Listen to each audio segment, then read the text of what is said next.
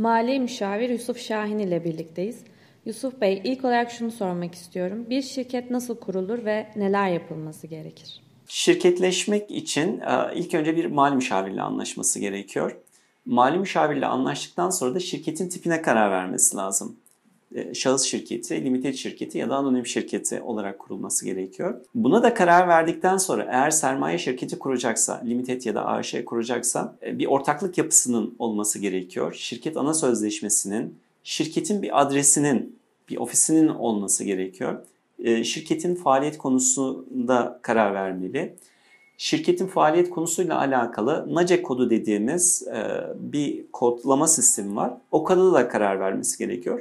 NACE kodu istatistiksel bir kod olmasına rağmen zaman zaman devletin bazı istatistikleri yayınladığı ya da gruplandırdığı, araştırdığı bir e, kod olmasına rağmen vergisel ve ticari açıdan çok önemli değildir. Bu teşvik alırken bazı kurumlar e, teşvik vereceği alanları NACE koduyla belirliyorlar.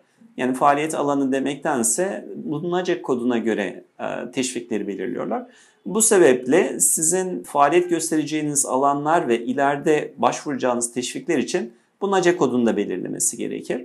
Ee, şirket kuruluşu esnasında eğer ki e, kurucu ortaklar ana sözleşmeye, adrese, sermaye yapısına ve yöneticilere karar e, verdikten sonra e, bu şirketin ticari sicil defterine kaydolması gerekir.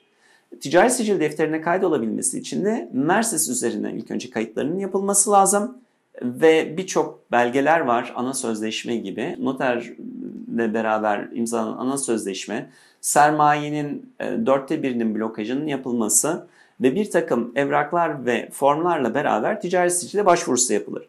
Ticari sicil bu evrakları inceler e, ve eğer ek bir evraka gerek görmez ise yaklaşık olarak 4-5 gün içinde şirketi tescil edebilir. Şirket tescili demek aslında ticari sicil kütüğüne kayıt olması demektir ve şirket doğmuş demektir. Ticari sicile kaydolduğu tarih şirketin kuruluş tarihidir. Şirket ticari sicile kaydolduktan sonra ikinci bir işlem olarak vergi dairesine başvurulması gerekir. Ee, şirketin imza sürküleri, ana sözleşmesi, kira kontratı, mali müşavirlik sözleşmesi gibi diğer evraklarla beraber vergi dairesine başvurusu yapılır. Vergi dairesi e, bu başvurudan sonra, kaydı aldıktan sonra bir vergi e, denetmeni vasıtasıyla yoklama gönderir. Yoklama da tamamlandıktan sonra vergi dairesi tarafından da kayda açılmış demektir ve vergi levhası çıkabilir. Eğer ki kurulan şirket bir personel çalıştıracak ise bu şirketin aynı zamanda bir SGK kaydında açılması lazım. SGK kaydında da işte vergi levhası, ticari sicil gazetesi gibi bir takım evraklarla beraber e, SGK'ya başvurusu yapılır. E, şirketin bir SGK numarası alındıktan sonra ise e, işe alınacak personelin kaydı yapılır. Peki şahıs şirketi, anonim şirket ve limited şirketin arasındaki farklar nelerdir? İlk aşamada ikiye bölmek lazım. Şahıs şirketi ve sermaye şirketi olarak. Şahıs şirketi kişiye bağlı, yani TC kimlik numarasına bağlı bir şirket türüdür. Sorumluluk yapısı ya da yönetimi tamamen şahsın kendisine aittir. Şahıs o şirketi kendi başına yönetebilir. Sermaye şirketleri ise biraz daha farklıdır şahıs şirketinden.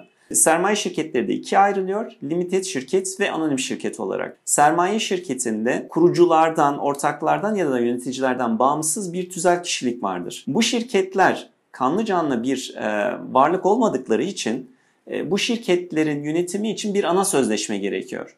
Ana sözleşmesi lazım, faaliyet konusu lazım, bu şirketin ortaklık yapısı lazım, e, bu şirketi yönetenler lazım ve sermaye gerekir. Limited ya da AŞ'lerde sermaye ya da yöneticiler şartken e, şahıs şirketlerinde bu şart değildir. Şahıs şirketini ne zaman tercih ederler? Eğer ki e, belli bir maliyet kısmına girmek istemezlerse. Çünkü şahıs şirketlerinin sermaye şirketlerine göre, limited ya da AŞ'ye göre maliyet avantajı vardır.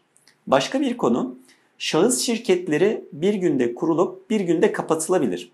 Ama sermaye şirketleri böyle değildir. Limited ya da AŞ böyle değildir.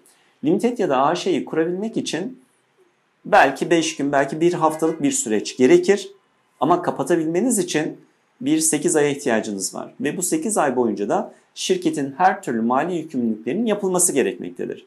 Beyannameleri verilmesi gerekir, kirasının devam etmesi gerekir, mali müşavirli sözleşmesi gerekir. Şahıs şirketinin başka bir avantajı da vergisel bir avantajı vardır. Eğer ki e, şirketi kuranlar 29 yaşından küçüklerse 3 yıl boyunca 75 bin liraya kadar bir vergi teşviğinden faydalanabiliyorlar. Aynı zamanda SGK bunların bir yıl boyunca Bağkur primlerini de ödüyor. O yüzden maliyetin düşük olması ve bir takım teşviklerden dolayı e, girişimci şahıs şirketi kurmayı tercih edebilir. Ama eğer yatırım almak istiyor ise şahıs şirketine yatırım olmuyor. Limited ya da AŞ gibi sermaye şirketine yatırım oluyor. Sermaye şirketlerinin avantajı e, yatırımcılar gözünde ya da kreditörler, bankalar gözünde e, kredibilitesi biraz daha fazladır. E, yani bir sermaye şirketi, limited ya da anonim şirket bir krediye başvuracağı zaman şahıs şirketine göre daha avantajlı konumdadır, daha kurumsaldır. Belli bir muhasebe sistemi, raporlama sistemi vardır ki şahıs şirketlerinde bu yoktur. Ee, bazı teşvikler için de e, şirketin sermaye şirketi olması şart koşulabilir. Bu TÜBİTAK nezdinde ya da COSGAP e, nezdinde. Bazı vergisel avantajlar vardır bu şirketler için. Bazı COSGAP teşvikleri, bazı TÜBİTAK teşviklerini alabilecekleri gibi şirketin Teknopark'ta faaliyet göster göstererek de e, bir takım teşviklerden faydalanabilirler. Teknopark'taki teşviklerin bazıları gelir vergisi teşviğidir. Ee, bu çalışanlar için hem e, gelir vergisi hem de SGK teşviği vardır. Şirketin aynı zamanda kurumlar vergisi teşviği de olabilir, KDV teşviği de olabilir. Teşekkürler. Bu bölümümüzün sonuna geldik. Dinlediğiniz için teşekkürler. Bir sonraki bölümde görüşmek üzere.